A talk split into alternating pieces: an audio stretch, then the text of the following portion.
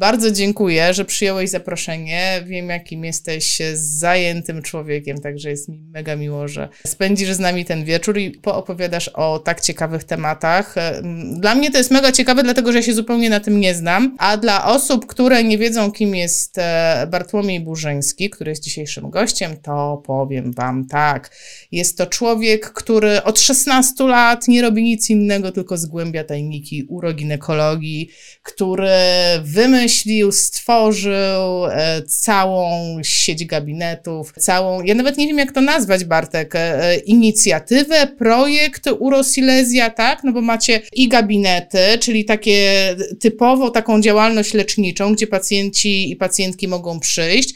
Macie akademię, czyli szkolicie fizjoterapeutów, rozumiem, ale pewnie nie tylko e, z tematu uroginekologii, ale macie też cały projekt badawczy, tak? Że także to nie jest to wszystko oparte, a bo ja tak ciuję, ciuję, to ja tak będę uczyć, tylko to rzeczywiście coś tam się, znaczy nie coś tam, tylko to się podpiera na takich naukowych podwalinach i już muszę dokończyć Cię przedstawiać, bo jak teraz tego nie pociągnę, to potem tego nie uciągnę po prostu, bo tak dużo po prostu mogę o Tobie powiedzieć. Bartek pracuje na katedrze rehabilitacji na Siumie. Sium to Śląski Uniwersytet Medyczny, a także od niedawna, od, dokładnie od 18 września, dobrze pamiętam? Czy od 18 października? Matko, teraz, no niezła. Chyba od 18 października jest przewodniczący, przewodniczącym polskiej, polskiej grupy uroginekologicznej. I ja wiesz co, ja już cię dopuszczam do głosu. Ja wiem, że to jest okropne siedzieć obok i czekać, kiedy ona się, tak powiem, uciszy troszkę. Przecież miałem mówić. Po prostu powiem dla osób, które nie mają pojęcia, o co chodzi z tymi grupami. To jest y, taka sytuacja, że jest taka duża organizacja, która zrzesza wszystkich, znaczy, no nie wszystkich, no większość fizjoterapeutów na świecie, która zrzesza generalnie państwa pod kątem fizjoterapeutów. I ta organizacja to jest World Physiotherapy, kiedyś to się nazywało WCPT.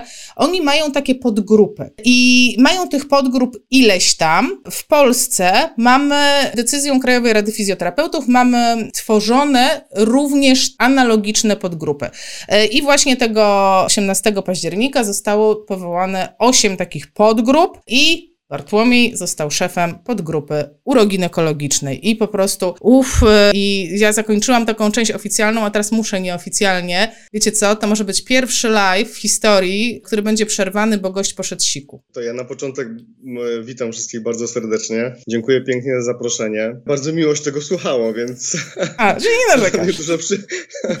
duża przyjemność, ale wytłumaczę, wytłumaczmy o co chodzi z tym siku, bo śmialiśmy się i dyskutowaliśmy, że Mikcja ma być wtedy, kiedy faktycznie ona jest potrzebna, tak. czyli nie sikamy na zapas. Ta tak. nie może być na zapas. I, tak. I ja powiedziałem, że nie będę przed live'em szedł do toalety, tylko jeśli mi się zachce w trakcie, to po prostu przeproszę i wyjdę. Tak. Zrobię, zrobię to, co mam zrobić i wrócę. Tak, Stąd ja mam też ta mikcja na zapas. Ja mam taki zwyczaj, że jak mówię mojemu gościowi, na co zwrócić uwagę, co się będzie działo, tak po prostu oswajam e, całe to wystąpienie, to jeszcze mówię, dobra, a jeszcze przed live'em to jeszcze pójdź się wysikaj, bo wszyscy są tacy, jakby generalnie jest taka potrzeba, żeby zrobić to siku, żeby na pewno się nie zachciało na wizji. I jesteś pierwszą osobą, która powiedziała, co? Nie sikamy na zapas. Normalnie bałam się pójść, ale i tak poszłam. Kurczę, Barty, nie wiem jak to, nie, w ogóle nie wiem co powiedzieć, ale wysikałam się na zapas. Ale wiesz co, ja to rozumiem, dlatego że zanim zacząłem się zajmować tą uroginekologią, czy też urologią, bo nie tylko zajmujemy się kobietami, to doskonale pamiętam, ja mam brata dwa lata młodszego, Kamil Burzyński, z którym razem prowadzimy tą całą urosilezję. I ja pamiętam, jak byłem małym chłopcem i mama mówiła, idziemy na spacer, to idźcie sikać. Ja w związku z tym, że starszy, to musiałem pójść pierwszy. I obojętnie, czy mi się chciało, czy mi się nie chciało, to po prostu byłem grzeczny, słuchałem mamy. No i próbowałem cokolwiek zrobić. Oczywiście mój brat był po mnie, bo, bo drugi, bo młodszy, więc ja znam do przyzwyczajenia. My przestaliśmy to robić. W momencie, kiedy zaczęliśmy się zajmować uroginekologią, czy, czy, czy urologią, czy tam proktologią też, przestaliśmy kontynuować te złe nawyki. Oczywiście panie zawsze nam wtedy odpowiadają, no wam jest łatwiej nam mężczyznom, tak? Bo możecie się wysikać, czyli ta misja może być w różnych dziwnych warunkach. Natomiast e, czasami panie mówiły różne dziwne rzeczy, czy, czy próbowałem się wysikać na siedząco na przykład w pociągu albo w samolocie, że to jest gdzieś tam jednak dla kobiet trochę, trochę trudniej. Taką śmieszną bardzo sytuacją było, jak studenci zapytali mnie, co myślę o mikcji na oddziale dermatologii, bo mam zajęcia z, z le kierunkiem lekarskim też. No i oni się na dermatologii boją że, że czymś się zarażą, bo to dermatologia, tam mogą być też choroby zakaźne i się śmiali wtedy, powiedzieli, że na dermatologii nie sikają po prostu. Ale tak mówiąc zupełnie poważnie i serio, to faktycznie mikcja ma być niewymuszona, ma być swobodna i ma być brak zalegania moczu po mikcji. Tak powinna mikcja wyglądać. To sikanie na zapas będzie przyzwyczajać nasz pęcherz do tego, żeby jego pojemność funkcjonalna się zmniejszała. A my nie chcemy mieć małego pęcherza. Potem słyszymy od pacjentek, że ktoś mi powiedział, czy to ginekolog, czy urolog, czy inny fizjoterapeuta, że taka moja uroda, że ja mam mały pęcherz i ja muszę przez to często sikać. No i teraz pytanie, czy sobie sami tego małego pęcherza nie zrobiliśmy. Wiesz co? Bo tak, tak mogło być. Tak, e, zacząłeś z grubej rury, tak ci powiem, więc ja muszę to pociągnąć, nie może być inaczej mnóstwo, przypuszczam, że mnóstwo kobiet, nawet tutaj, które przyszły, miałyśmy taką dyskusję, wiesz, z dziewczynami przy temacie, mm, przy którym było powiedziane, nie można pchać, tak, że pozwalamy temu, temu moczowi po prostu wypłynąć, i mnóstwo osób ma takie wrażenie, okej, okay, ja na to pozwolę, ale to nigdy nie wyleci do końca. Więc nawet jak skończę, to mam taki przymus, to jeszcze dopchnę i jeszcze wyleci więcej. Jakby bardzo złe postępowanie. I teraz w bardzo prosty sposób można to sprawdzić. Jeśli te wszystkie panie, które wyciskają ten mocz, jeśli dołączają tłocznię brzuszną na koniec mikcji, jeśli trafią do gabinetu fizjoterapeuty, który posiada aparat USG, to on sprawdzi, ile moczu zostaje, czy w ogóle zostaje ten mocz w pęcherzu po mikcji, czyli prosimy, żeby pacjentka przyszła z pełnym pęcherzem, potem idzie do toalety, oddaje mocz, bez tego parcia, o którym mówiłaś. I jak wróci, to sprawdzamy w obrazie USG, czy tam jest zaleganie moczu, czy nie. Bo czym innym jest mi się wydaje, czyli naszym pacjentkom się wydaje, a czym innym jest obiektywna ocena tego, czyli wykonanie ultrasonografii. To jest tak samo, jak pacjentki przychodzą i ja się ich pytam z wywiadu, jak często panie sikają. I one oczywiście liczą na palcach po prostu. Rano jak stanę, przed wyjściem do pracy, w pracy dwa razy, po pracy raz, idę spać, to przed snem jeszcze sikam, to wychodzi mi siedem. Natomiast jak wydam takiej pacjentce dzień czy mikcji do zrobienia, to potem okazuje się, że zdziniczka mikcji zamiast 7 robi nam się 15. A 15 to nie jest już dobrze. Może jeszcze nie krytyczny stan, ale zupełnie inaczej my postrzegamy funkcjonowanie naszego ciała, bo nam się wydaje, a inaczej wtedy, kiedy spróbujemy to w sposób obiektywny przedstawić, a takim obiektywnym przedstawieniem bardzo prostym mikcji to jest dzienniczej mikcji, które można wykonać, czy takie, pacjentka powinna wykonać. Czy takie rzeczy to powinien zlecać, powinien, nie wiem lekarz najpierw, czy właśnie specjalistą od tego typu rzeczy powinien być fizjoterapeuta uroginekologiczny? I nie ukrywam, że tutaj troszeczkę już dążę w kierunku no kto to jest ten uroginekologiczny specjalista, tak? Ty mówisz, że i prokto, i, i generalnie urologiczny, tak? Umówmy się, że używamy słowa uroginekologiczny, mając na myśli wszystkie, mm, jakby całość, tak? Że i mężczyzn również w to wkłada Chodzi mi o łatwość nie, komunikacji, tak? Nie, nie możemy. Nie, musimy penisy odrębnie. No, przepraszam. Mam nadzieję, że to będzie tylko z korzyścią dla wszystkich. Ale nawet nie chodzi o to, żeby się umawiać, tylko uroginekologia dotyczy kobiet. Po prostu. Natomiast urologia mężczyzn Proktologia może dotyczyć oczywiście kobiet e, i mężczyzn. Jeśli mówimy o uroginekologii, a jeszcze jedną rzecz powiem, bo mówiliśmy o tej mikcji, o tym sikaniu, to powiem wam, e, powiem tobie i powiem wszystkim, którzy nas oglądają, kiedy powinniśmy się wysikać. I to jest okej. Okay. No ale wtedy, kiedy jeśli nam się bardzo nie chce, to zachęcam wszystkich do mikcji po stosunku. Czyli po stosunku płciowym ta mikcja jest rzeczą dobrą, bo my się tak naprawdę pozbywamy tego, co dostaliśmy od pacjenta. E, od pacjenta, pacjenta od, nie, od daj Boże, nie. Nie, nie, nie. nie. To już wiesz, ja ciągle pacjent, pacjent. Jak idę, idę do sklepu, i coś kupuję, to mi pacjent sprzedawał, no nie? Wiesz, pani mi sprzedaje mięso na, na obiad, to, to, to nie pani ekspedientka, tylko pacjent, ciągle ten pacjent. Więc ta mikcja po stosunku jest ok. E, Ale u faceta też? Ale u faceta u też? Tak? Facet również ma, również ma się wysikać? Bo zawsze myślałam, że tylko kobieta. Widzisz, ja minęły pięć, pięć minut minęło, a ja już się nauczyłam, a ja, a ja już po prostu tutaj inaczej. Znaczy, Powiem, powiem tak, e, jeśli chodzi o kobietę, nie wiem, czy możemy tak powiedzieć, ale wydaje mi się, że tak, że to jest e, jakby bardziej istotne z tego względu, że kolonizacja samej cewki moczowej, czy też pęcherza moczowego jest częstsza u kobiety niż u mężczyzny. My mamy dłuższą cewkę moczową i to nas zabezpiecza przed migracją bakterii do samego pęcherza moczowego. Stąd też my mamy rzadsze stany zapalne pęcherza i cewki moczowej. Natomiast u kobiety cewka moczowa średnio jest około 3 cm, oczywiście osobniczo zmienna. Już w obrazie USG widziałem i 1,5 cm i widziałem 4,5 cm.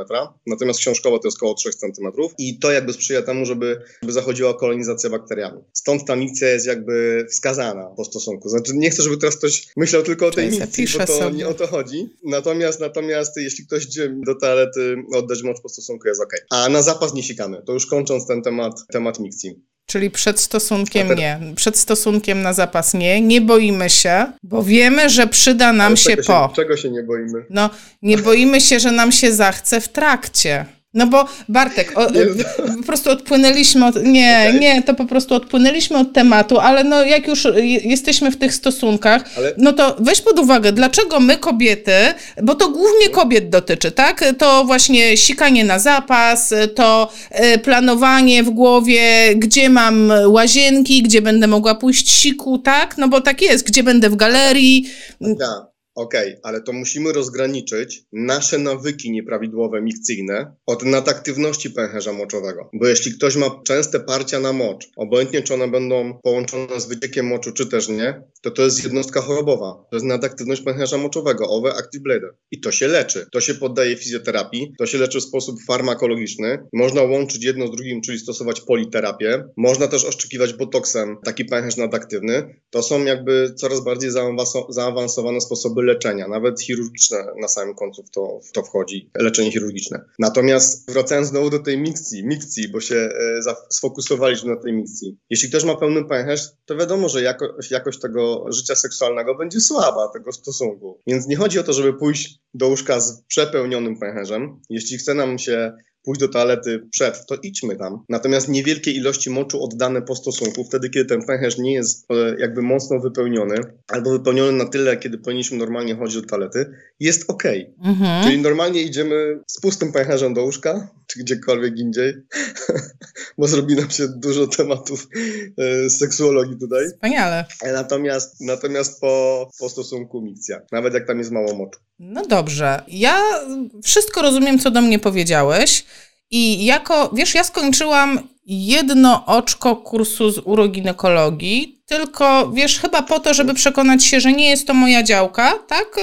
Byłam, zapoznałam okay. się, mniej więcej, wiesz, rozumiem, że jest taki temat, moje prawo, tak, ale mhm. skąd taka osoba ma wiedzieć, albo nawet dalej, skąd y, fizjoterapeuta ma wiedzieć, czy ten pacjent ma nadaktywny pęcherz, czy ten pacjent po prostu ma takie nawyki, bo, bo z tym sikaniem, no to jest po prostu kosmos wysikiwanie się na zapas, wiesz, no nie wiesz w końcu, czy ci się chce, czy robisz to na zapas, a jak zaczynasz o tym, na przykład ja teraz myślę o sikaniu i tak myślę, jakbym poszła, to bym się wysikała. Chociaż wiem, że to jest absolutnie bez sensu, nie chce mi się, tak? Ale im bardziej o tym myślę, im bardziej o tym rozmawiamy, tym bardziej jednak bym poszła. Rozumiesz? To skąd ja mam wiedzieć, tak. czy jestem chora, czy, czy ja po prostu mam e, do kitu nawyki? Jest to, to wymaga to diagnostyki funkcjonalnej, czyli jeśli jest fizjoterapeuta uroginekologiczny, bo dzisiaj mówimy o kobietach, gdybyśmy mówili o mężczyznach, mówilibyśmy o urologicznym, to jeśli mówimy o, o kobietach, czyli o fizjoterapii uroginekologicznej,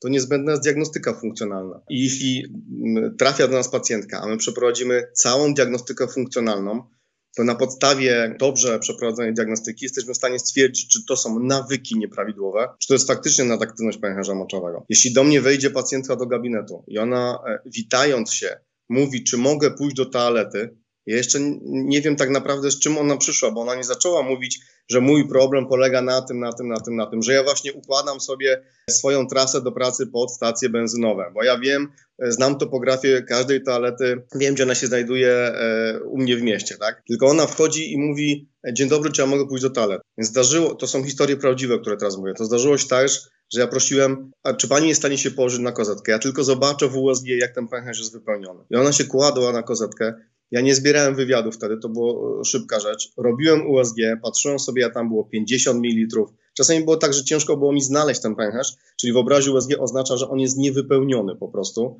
I ja jej tłumaczyłem, że to powinna być ciemna plama. Ja mam taki zwyczaj, że jak robię ultrasonografię ze swoim pacjentkom, to ją tłumaczę. Dla mnie pacjentka wyedukowana na tyle, na ile jej to potrzeb, potrzebne, jest dla mnie bardziej świadoma i nam się łatwiej z tą pacjentką pracuje, my lepsze efekty osiągamy z tymi pacjentkami. Ja jej odwracam ten aparat USG, pokazuję, że tu powinna być ciemna plama, a jej nie mamy i ten pęcherz jest pusty. I ona mówi, okej, okay, ja to rozumiem. I ona wstaje z tej kozetki, ubiera się, ja chciałbym ją wziąć do biurka, żeby zacząć zbierać wywiad i ona wstaje i ona i tak mówi, ale czy ja mogę pójść się wysikać? To jest nadaktywność, Asia. Nie mam takiej możliwości, żeby tak nie było. Czyli... Natomiast mhm. sam, sama ta ultrasonografia nie jest wystarczająca do tego, żeby stwierdzić, że to jest nadaktywność. No właśnie, wiesz. Bo jeśli ja. Mhm. Bo chciałam się zapytać e, w takim razie, no bo nie wszyscy mają USG.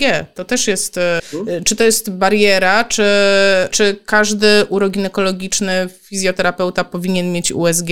No bo jednak, no, jakby rozumiesz mnie pytanie. Tak, ja jak zaczynałem pracę, to zaczynałem. Mój pierwszy pacjent był podłączony od razu pod EMG. Jak zaczynałem, to nie robiłem tej diagnostyki funkcjonalnej w taki sposób, jak robię robię dzisiaj. To był po prostu proces, który trwał. Ja się uczyłem nowych rzeczy, ja dokładałem nowe narzędzia i moja głowica e, ultrasonograficzna pierwsza nie była do oceny pęcherza, czy też cewki moczowej, bo dzisiaj używamy trzech głowic w diagnostyce i w terapii też używamy trzech głowic, bo, bo to jest e, sonofeedback daje nam kapitalne informacje o tym, co się dzieje z pacjentką, czyli daje diagnostykę, ale też daje nam możliwości terapeutyczne, czyli wykorzystujemy to w celach terapii. Moja pierwsza głowica to była głowica do brzusznych, dlatego że ja y, nawet swój doktorat robiłem, y, dotyczył on y, oceny pracy brzusznych u kobiet z wysiłkowym nietrzymaniem moczu.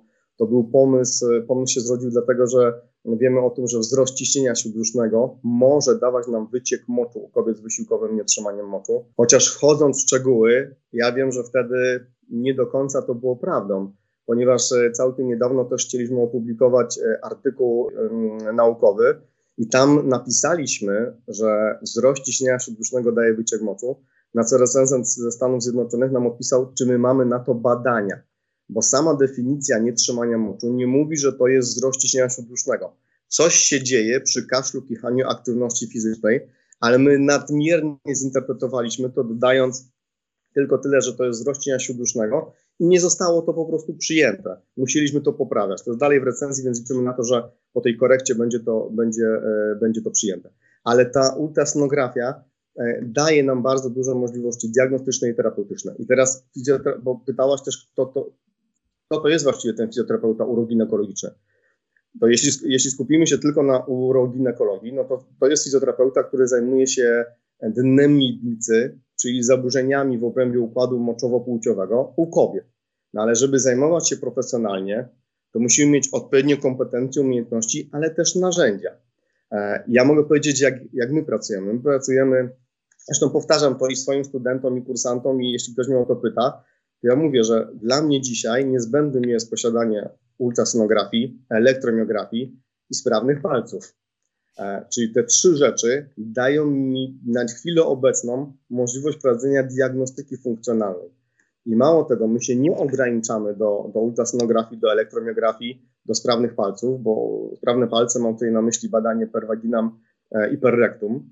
E, natomiast jeśli jest taka potrzeba, to my to, tą pacjentkę odsyłamy na przykład na rezonans odcinka lędziowo-krzyżowego. Dlaczego tak? Dlatego, że mamy ośrodki mikcji, które zlokalizowane są na przejściu piersiowo-lędźwiowym w okolicach kręgosłupa krzyżowego i my musimy wiedzieć, czy te deficyty mikcji, czyli zaburzenia e, różne, czy to jest wysiłkowe nietrzymanie moczu, czy nadaktywność pęcherza moczowego, czy, czy mieszana postać nietrzymania moczu, czy to nie ma przypadkiem komponenty neurologicznej. Więc w tej diagnostyce funkcjonalnej nawet korzystujemy proste testy, no każdy z nas zna e, test Laseka.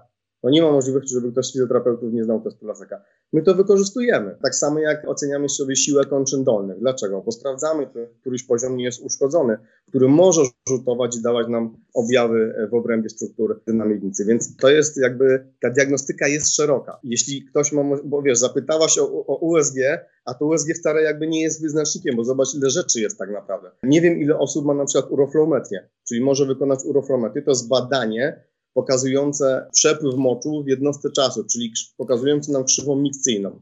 To jest najgorsze Jeśli badanie. Ja... Patrz, wtrącę się. Jezu, ja je miałam jako dziecko. Pamiętam. Rurka w cewkę, pompowanie pęche... To nie to. Boże, jakie to było straszne. To jest, to jest trauma ja... z dzieciństwa. Ale wiesz co, ja nie o swoich traumach chciałam, chociaż zaczęliśmy od sikania na zapas. Ale wiesz co, e, na chwilę po prostu muszę cię podpytać o to USG, bo chciałabym to naprawdę wyjaśnić. Mówimy o diagnostyce funkcjonalnej i ja taki, e, powiem, tak, taki, taka zwykła fizjoterapeutka, to dla mnie diagnostyka funkcjonalna jest e, odpowiedzeniem sobie na pytanie, ile mój pacjent jest w stanie przejść w czasie, ile jest w stanie zrobić e, przysiadów, e, na ile stopni wespnie się do góry, a ile mu zajmie czasu położenie się na podłogę i wstanie. Rozumiesz? Tak jakby mierzę te funkcje, a ty mi tutaj mówisz, bo wiesz, Aśka, bo ja robię diagnostykę funkcjonalną i mam USG, EMG, ten, to dziwne badanie, którego nie powtórzę, tak?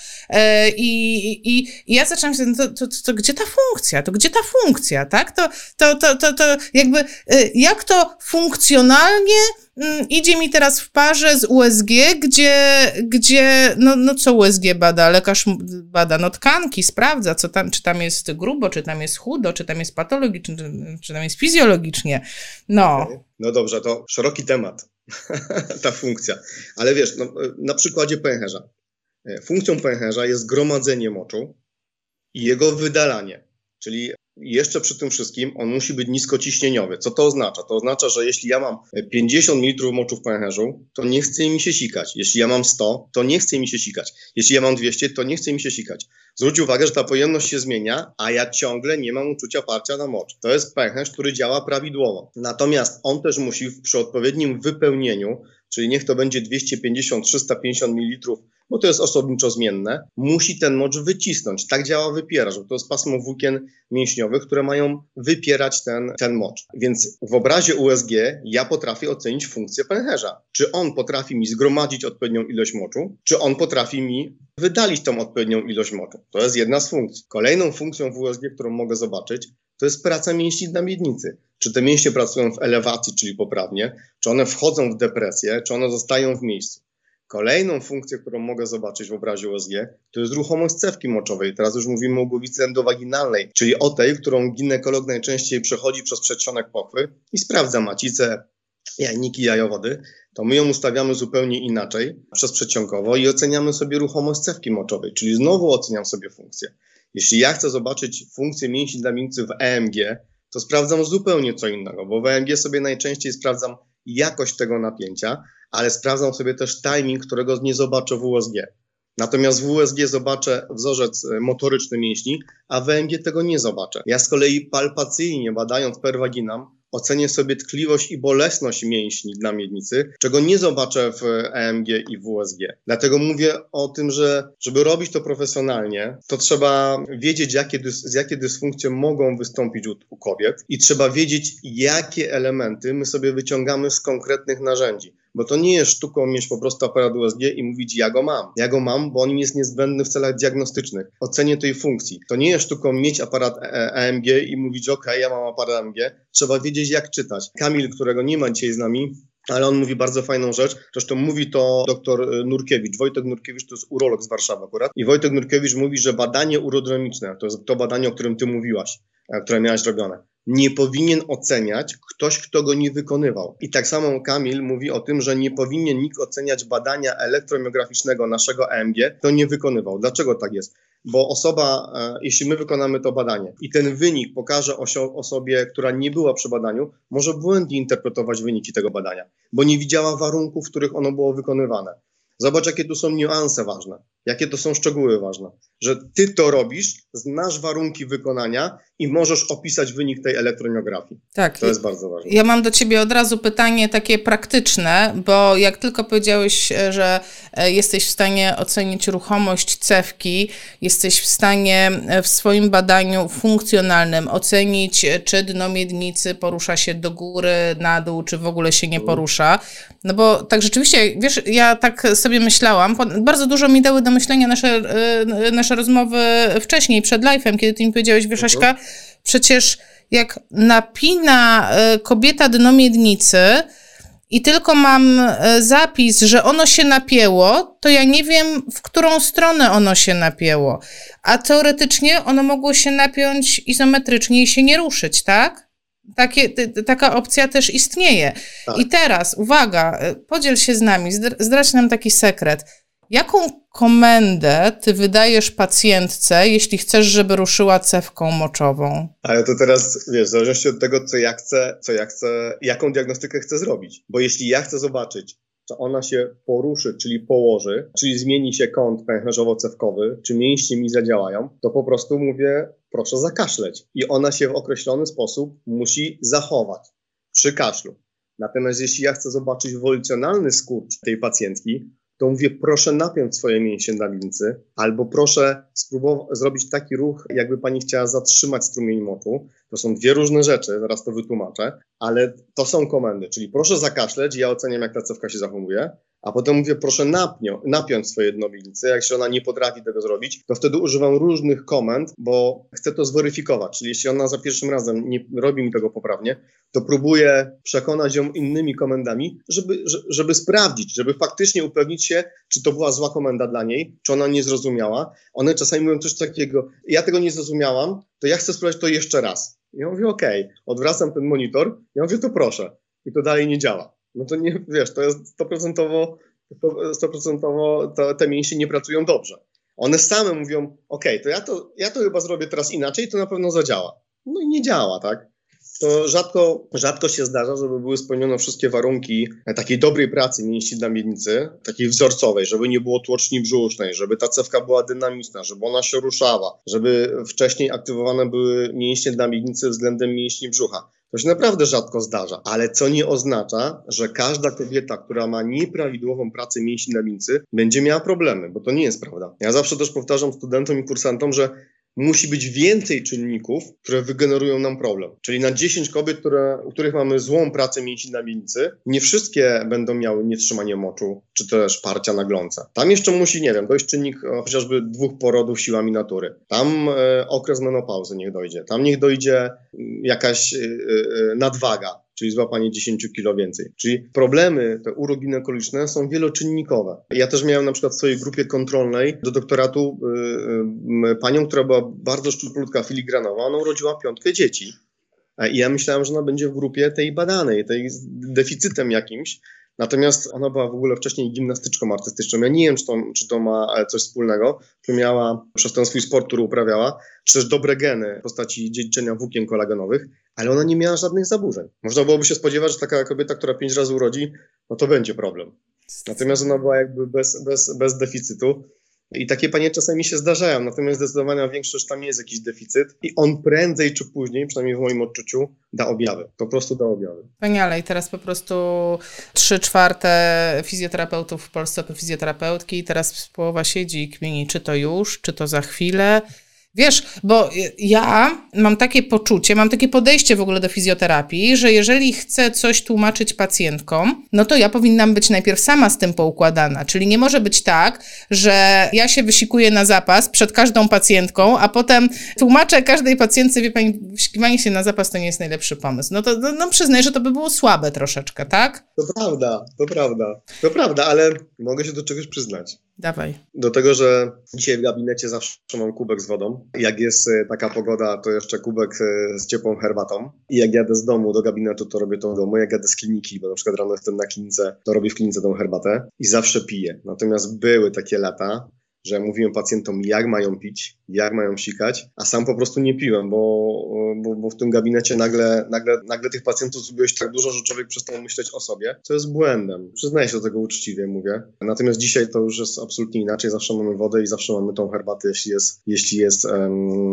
zimno. No i dbamy też o to, żeby, żeby sami funkcjonować dobrze. Nie zapominajmy o sobie, obojętnie jaką terapią się zajmujemy. I tutaj właśnie pod kątem sikania myślę, żebym też e, podkreśliła to, bo zapewne wiele osób, które jest teraz z nami, e, ma takie doświadczenie z pracy i ja też mam takie doświadczenie, praca bez przerw, wiesz? E, to jest taka, to, to, jest praktyka w wielu miejscach pracy, że po prostu jest pacjent za pacjentem i nie ma przerw na to przysłowiowe siku, Ja nie wiem, czy ja mogę tak poradzić na wizji, tak, po prostu, że tak powiem, olejcie to i róbcie siku. No nie na zapas, jak wam się zachce, idźcie i róbcie, no bo to jest w naszym zawodzie, to mam wrażenie, że to jakby na dwoje babka wróżyła, albo nie jemy, nie pijemy, gdzieś tam zagryzamy jakąś kanapkę po drodze e, i nie sikamy, czyli trzymamy, a dobra, jeszcze jeden pacjent jakoś tam przetrzymam. I w końcu, wiesz, jak dotrzesz do tego, do tej toalety, to w końcu nie możesz zrobić tego siku z tego, z samego tego faktu, że trzymałeś godzinę. Wiesz co, to jest wzmożone napięcie mięśni na miednicy, czyli mięśni poprzednio prążkowanych i to nie jest dobra rzecz. To, nie jest dobra sprawa. Także nie wolno też przetrzymywać, ale opowiem historię znowu prawdziwą. Przyszła kiedyś pacjentka i ja ona powiedziała, że gubi mocz. I ja się pytam, jak często sika z wywiadu, czy jak często jest ta mikcja. Ona mówi, że dwa, trzy razy dziennie. Ja mówię, dlaczego pani tak rzadko? Czy nie ma pani uczucia parcia na mocz? No bo gdyby nie było uczucia parcia na mocz, to być może konsultacja neurologiczna, ale on mówi, że ona ma, tylko nie ma, nie ma jakby czasu w pracy. Pójść do toalety. Ja sobie pomyślałem, że to jest jakaś pani, która pracuje, tak mi się skojarzyło, gdzieś w kasie, w jakimś hipermarkecie, że, że, że może nie, nie potrafi pójść. I słuchajcie, finalnie okazało się, że to była pani pielęgniarka, która biegała między pacjentami na oddziale Natomiast no, myślałem, że spadnę z krzesła, jak się okazało, że to była pielęgniarka z urologii. To była pani pielęgniarka, która pracowała na urologii i ona gubiła ten mocz. I teraz, Asia i, i wszyscy, którzy nas słuchają, gdybyśmy nie, gdybym ja wtedy nie zrobił USG, to jak ona przyjdzie do mnie i powie tak, jak biegam w pracy, gubię mocz, to dla mnie byłoby to wysiłkowe nietrzymanie moczu. Czyli po prostu jeszcze bym pytał, czy kaszel, kichanie daje wyciek moczu. Natomiast jak ja zrobiłem USG i zauważyłem, że ona ma zaleganie moczu, że ona ma przepełniony pęcherz, że ona normalnie ktoś przynosi nam 250-350, ona przyniosła 800 ml moczu w pęcherzu, to ja to, to robiąc to USG, to ja widziałem, że ona popuszcza moc przepełnienia. Gdybym nie zrobił tego USG, to ja bym mógł po pomyśleć sobie, że okej, okay, ona ma chyba wysiłkowe nietrzymanie mocy. Taka, taka sama jakby podobna historia była, jak jeszcze miałem okazję we Francji, latać we Francji, uczyć tej, tej, tej naszej ultrasonografii. Kursanci tam we Francji, jak wiedzieli, że, że przylatuje, to potrafili przeprowadzić swoją pacjentkę i tam była taka pani, która była prowadzona w EMG, bo oni wszyscy pracują w EMG i super. Była uczona pracy tych mięśni na miednicy, cały czas ćwiczyła, ćwiczyła, żeby były jeszcze silniejsze, jeszcze silniejsze, żeby złapało to trzymanie moczu. Natomiast jak ja jej zrobiłem USG, to ona miała 350, tak książkowo przyszła z wypełnieniem 350, ale jak się wysikała i wróciła do mnie, to miała 300 zalegania. Więc ja powiedziałem, zostawcie tą kobietę, nie róbcie już tego, tego biofeedbacku, tego EMG biofeedbacku, tylko odeślijcie ją do urologa i do neurologa, bo ona musi mieć badanie urodynamiczne zrobione, czyli to, co, to o czym tu mówiłaś. Ponieważ tam jest deficyt wypieracza prawdopodobnie. I ja nie wiem, czy ten deficyt wypieracza jest z poziomu centralnego układu nerwowego, czy, czy po czymkolwiek innym, bo mocno zaawansowana cukrzyca będzie nam dawała zaburzenia pracy wypieracza i ci pacjenci mają zaleganie moczu po mikcji, oni nie potrafią się właśnie wysikać, te pacjentki do końca i one często uruchamiają tą tłocznię brzuszną. Także tych elementów, które trzeba poskładać w całość, interpretować to, co mówi do nas pacjentka, to, co widzimy w USG, to, co widzimy w EMG, to, co czujemy na palcach, to, co widzimy w rezonansie, to, co w urodynamice, to, co w uroflometrii, to trzeba poskładać w całość, żeby wiedzieć, jak zaplanować fizjoterapię tej pacjentki. Ta diagnostyka jest niezbędna do planowania fizjoterapii. Jeśli tego nie zrobimy, to w moim odczuciu my, my, nie wiemy, co mamy z nią robić. Ja nie mówię, że te wszystkie elementy musimy wykorzystać, bo to ten fizjoterapeuta uroginekologiczny musi czytać, co mówi pacjentka, interpretować i wiedzieć, o co tą diagnostykę poszerzyć, o tą diagnostykę, którą wykonuje w gabinecie, o co ją poszerzyć czasami na zewnątrz. Ja mam to szczęście, że długo pracuję tutaj na Śląsku i, i ja wiem na przykład, kto mi zrobi świetnie urodynamikę, kto mi wyciągnie taśmę, bo jest źle założona, kto mi cystoskopię zrobi, ale to pewnie każdy z nas, kto pracuje na swoim terenie określony czas, to, to wie, jaki specjalista co potrafi i w czym może być pomocny. Wiesz co, ja miałam takie poczucie i myślę, że wiele osób może mieć takie poczucie, że są takie dziedziny fizjoterapii, które są niezwykle trudne, bo robienie tych testów funkcjonalnych wydaje się takie trudne, ale teraz tak jak patrzę na to, co ty powiedziałeś, no to moje testy funkcjonalne, no to to jest w ogóle jakaś bajka, tak? Mam je rozpisane w publikacjach, opierają się na tym, żeby ktoś coś zrobił, ale z tego, co słucham, to w twojej działce absolutnie tak nie jest, tak? To, to nie, nie, nie wystarczy, nie wiem, zmierzyć ile razy była, zmierzyć jak mocno potrafi zacisnąć, ile potrafi wytrzymać bez sikania, ile po, i, i, wiesz, takie, jakby to nie jest takie mhm. wprost, tak? Ty potrzebujesz więcej danych do tej rzetelnej diagnozy, niż tylko i wyłącznie takie ja cały czas krążę wokół tych testów funkcjonalnych, które, które no zupełnie inaczej widzę wyglądają w uroginekologii niż, niż w takich dziedzinach, nazwijmy to, nie wiem, w ortopedii, w neurologii, tak? Gdzie, gdzie to wszystko opiera się na takiej funkcji, co my rozumiemy, że to jest funkcja, że to jest takie wprost. No albo potrafi usiąść, albo nie potrafi. A sikać każdy potrafi, tak? Więc, e, więc wszystko kręci się wokół tego, jak on sika. Może... Mhm. Wiesz co, to powiedziałeś, że każdy potrafi sikać. No i są takie przypadki, że nie każdy na przykład. Jest też taka sytuacja, że przychodzi pacjent, który ma cystostomię założoną, czyli odprowadzenie moczu nadłonowo.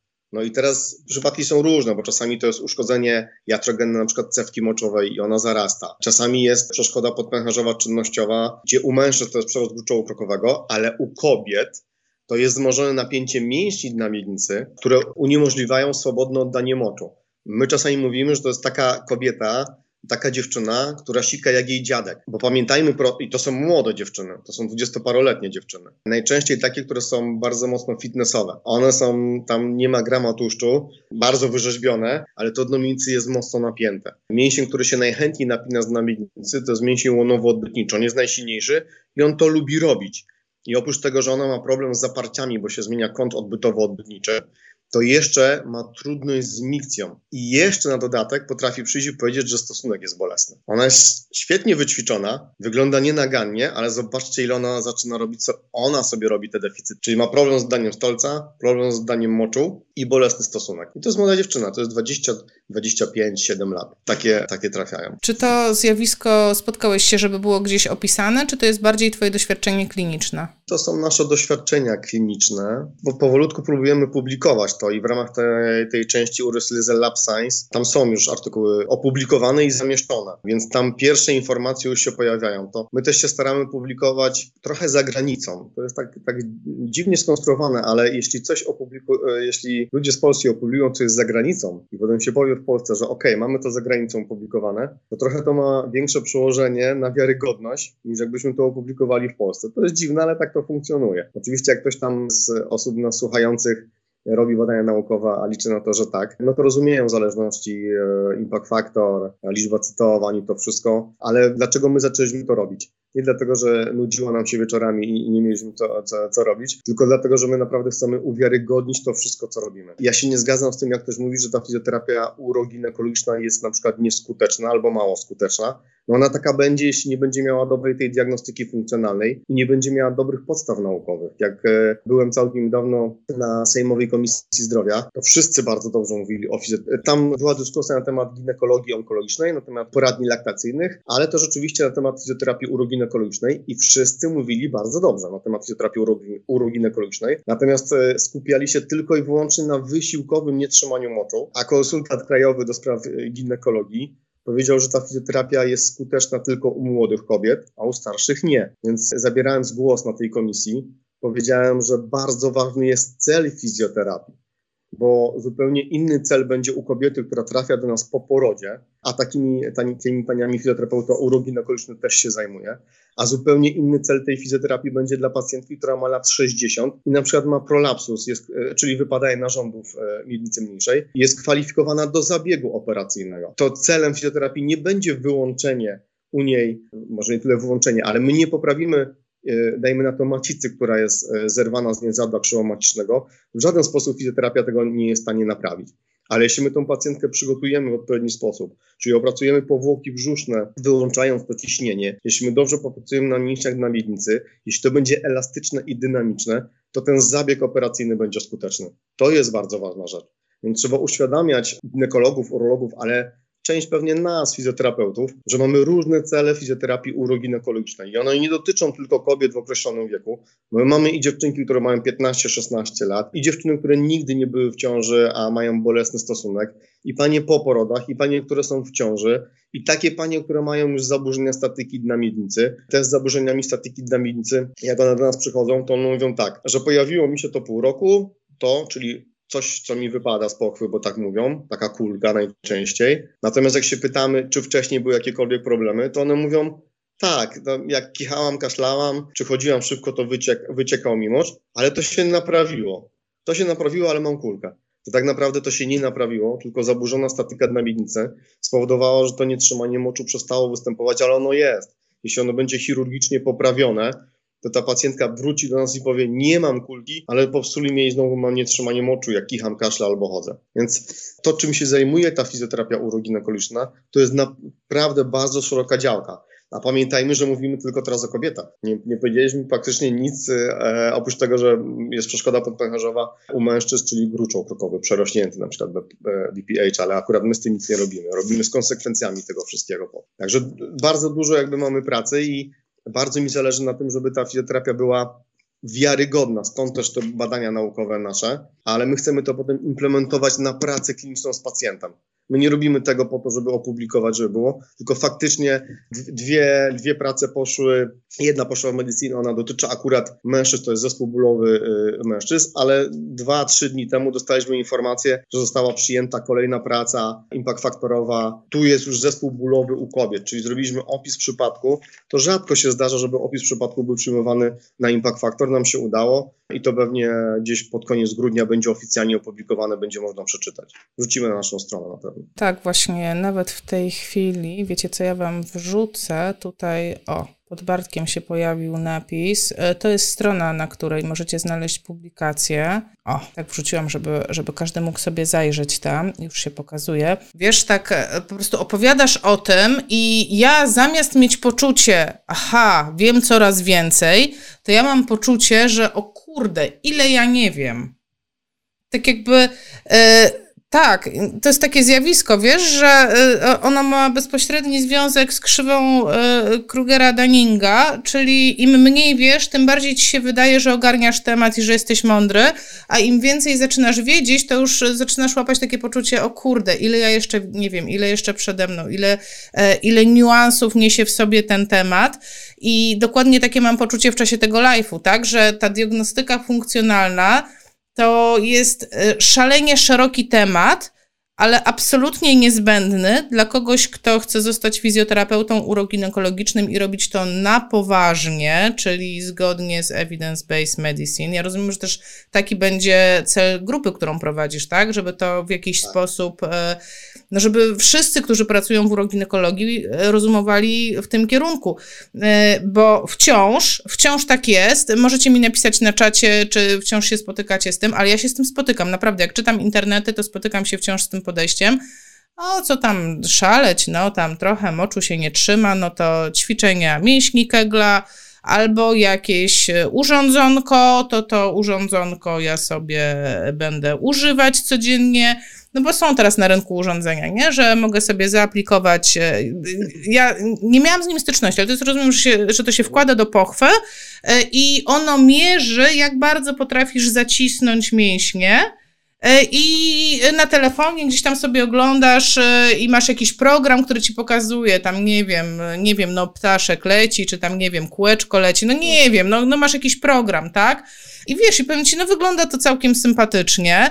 Mm, I wiesz, że ta uroginekologia nie jest taka trudna. No come on, no cieknie mocz, no to pozaciskasz, poćwiczysz, tak jakby zapoznasz się z własnym ciałem. No, a jak nie leci mocz, no to porozluźniasz, no i co? No i decyd. A ty mi tutaj mówisz, jakie decyd, Ogarnij się.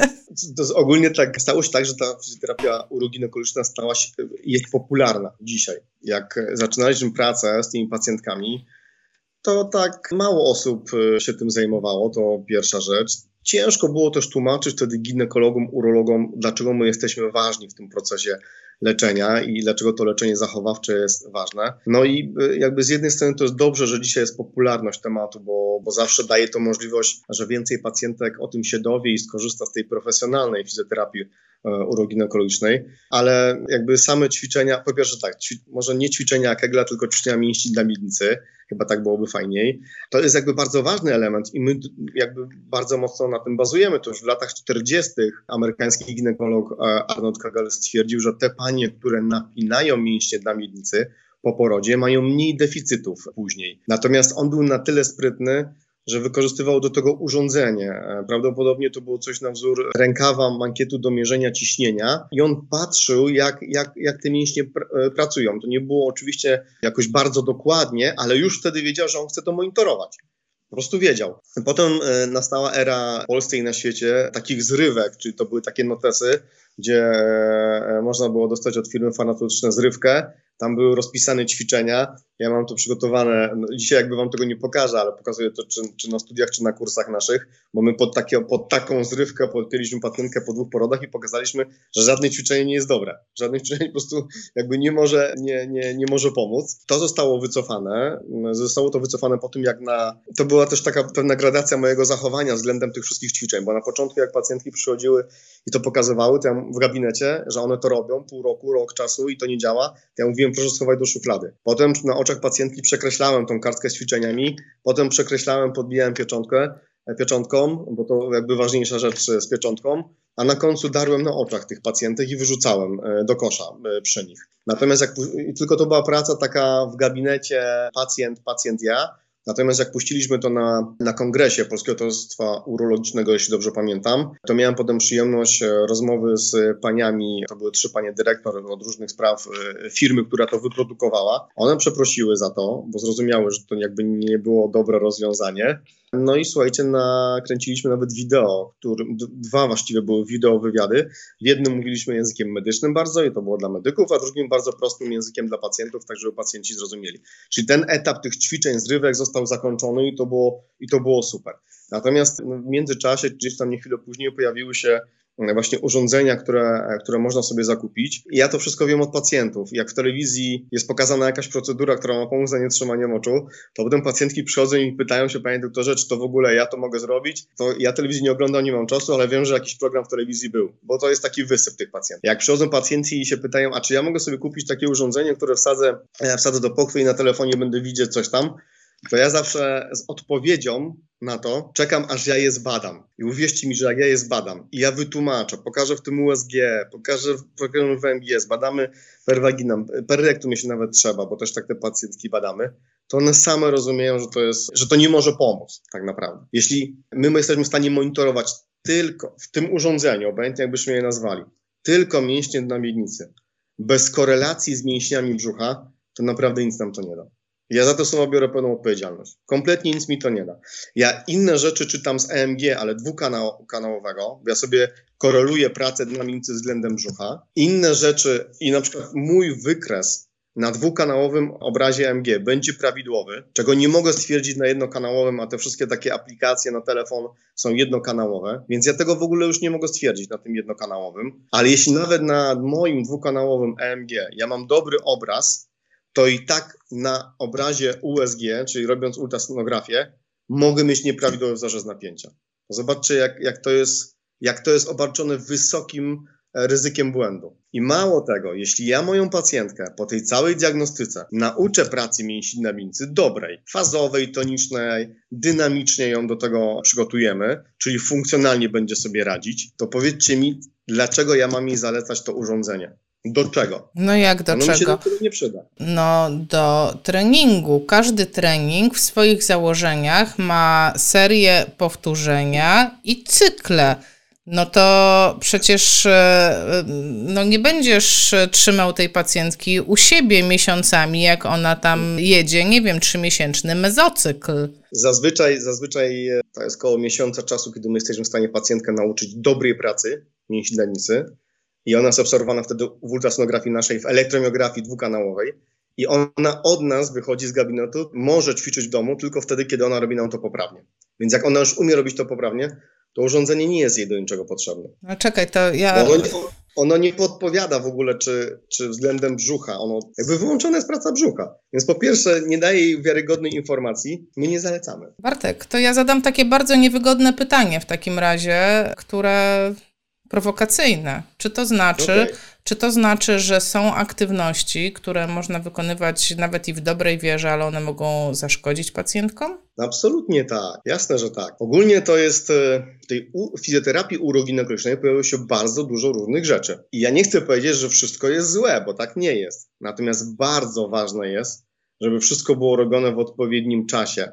Jeśli są formy aktywności fizycznej, które są dedykowane kobietom, z nietrzymaniem moczu, to ja bardzo chętnie taką pacjentkę naszą wyślę i to robimy, bo jakby mamy na terenie, tak mówiłem, że mam urologów, mam ginekologów, to mamy ludzi, którzy potrafią prowadzić aktywność fizyczną odpowiednią dla kobiet z zaburzeniami mikcji, czy zaburzeniami statyki dna miednicy.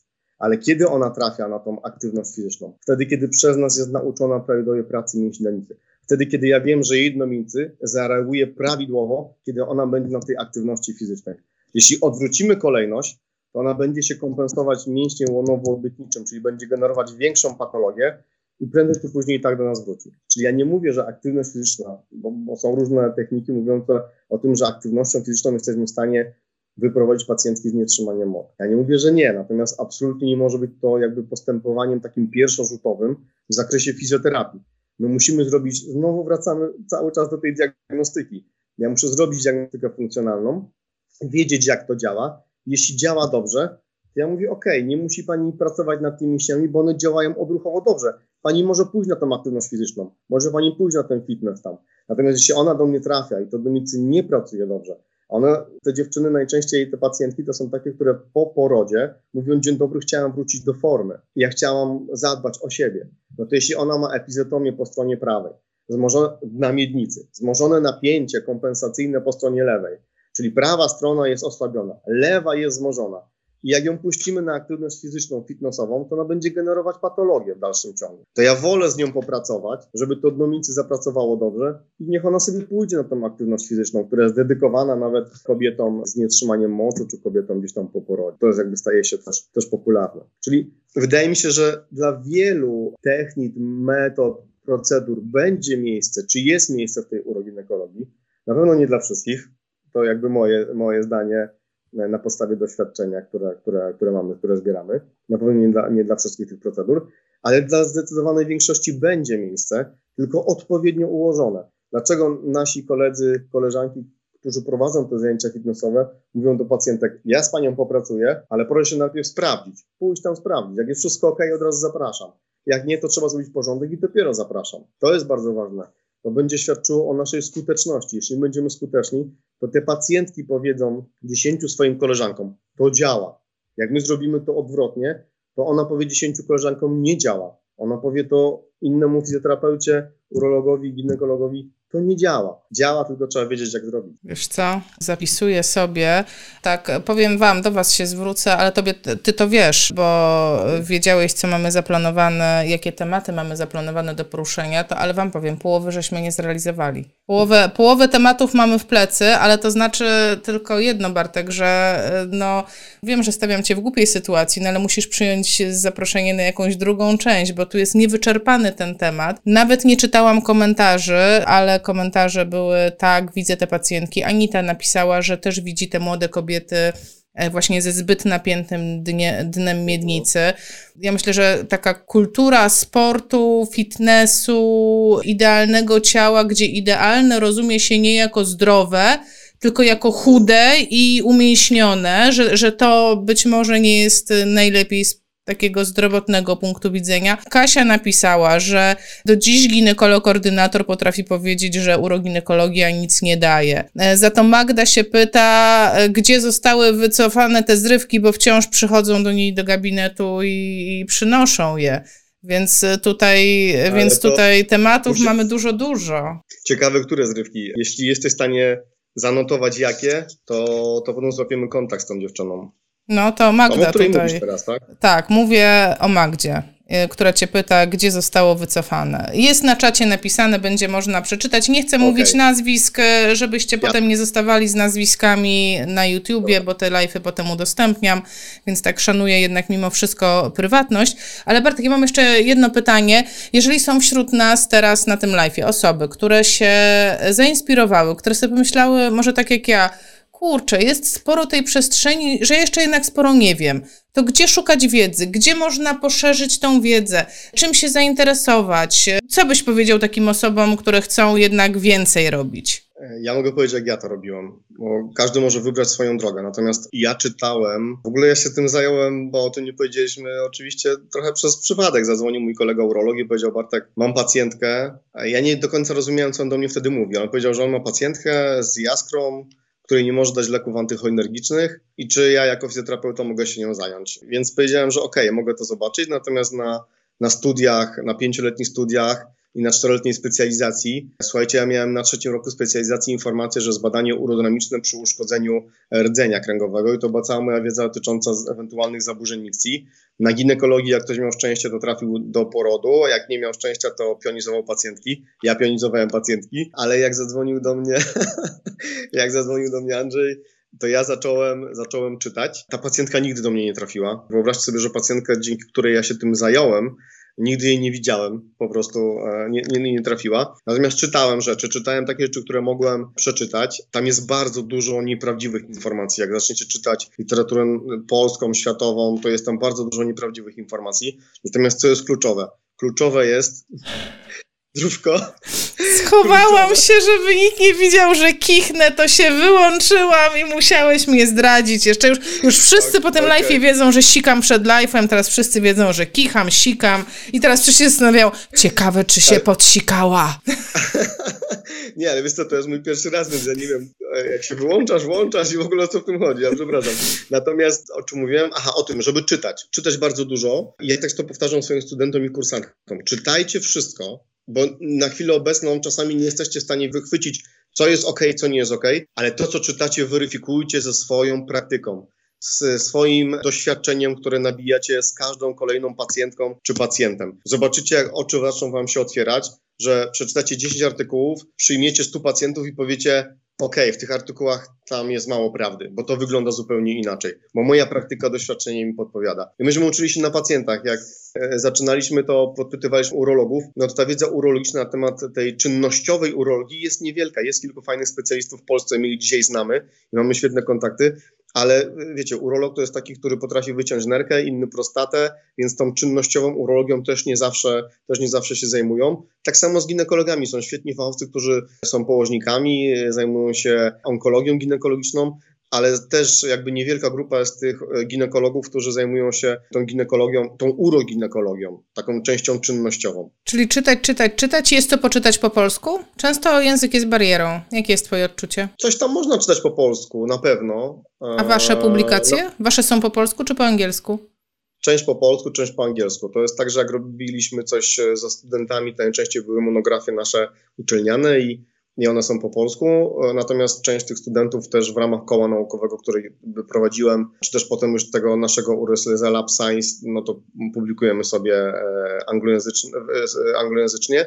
Natomiast to nie jest problem, bo dzisiaj jesteście w stanie wszystko przetłumaczyć tak naprawdę. To, no, to nie jest, wiesz, nie jest problem. To jak ktoś ma problem z angielskim, to jest to jednak bariera, tak? To też trzeba się pochylić nad tym. A tak jeszcze podpytam e, typowo komercyjnie, bo mnie to interesuje. Jak prowadzić prowadzicie kurs, dla, bo rozumiem, że prowadzicie kursy dla fizjoterapeutów. Można przyjść do ciebie i się tak. nauczyć tego. To ty masz na kursie właśnie to USG, masz to EMG, masz te wszystkie urządzenia, o których ty mówisz, że można się tego nauczyć? Wow. Każdy się tego uczy. No nie ma możliwości zrobić tego inaczej. Mamy kurs dotyczący uroginekologii, obejmuje podstawy ultrasonografii, elektronografii, oczywiście badanie mm, per vaginam i per rectum Osobno jest ultrasonografia, to jest dwudniowy kurs i tam jakby jest pełna, pełna ta ultrasonografia. No i jest jeszcze kurs dotyczący urologii, czyli tych wszystkich dysfunkcji. Każdy po kursie musi umieć to zrobić, zbadać, inaczej jakby no, no nie ma to sensu, tak? Tak, my uczymy i ultrasonografii, elektromiografii, badania do pokwowego, do rektalnego. Wszystkiego, wszystko to, co mamy, pokazujemy. Tak, powiedzmy, że też możemy powiedzieć, że ultrasonografia w ogóle wchodzi na salony.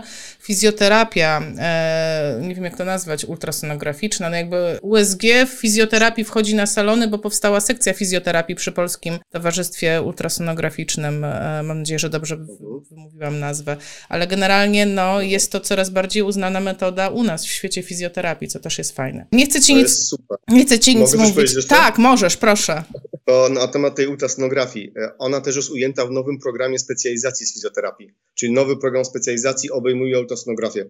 Zobaczcie, jak to się szybko zmienia. Jak ja robiłem swój doktorat, robiłem z USG, to musiałem się na komisji biotycznej tłumaczyć, dlaczego ja, fizjoterapeuta, używam aparatu do USG. Pytano mnie, czy będzie mi to robił jakiś, jakiś lekarz. Ja mówiłem, że nie, że będę to robił ja. I to było duży znak zapytania. Ja to wytłumaczyłem i zostało to przyjęte. Natomiast e, od grudnia, 1 e, grudnia tego roku wchodzi nowy program specjalizacji z fizjoterapii i on już obejmuje tą ultrasonografię. To jest raptem 7 lat. To jest, fizjoterapia się bardzo szybko rozwija i bardzo mi zależy na tym, żeby ta uroginekologiczna rozwijała się w dobrym kierunku i w dobrym tempie.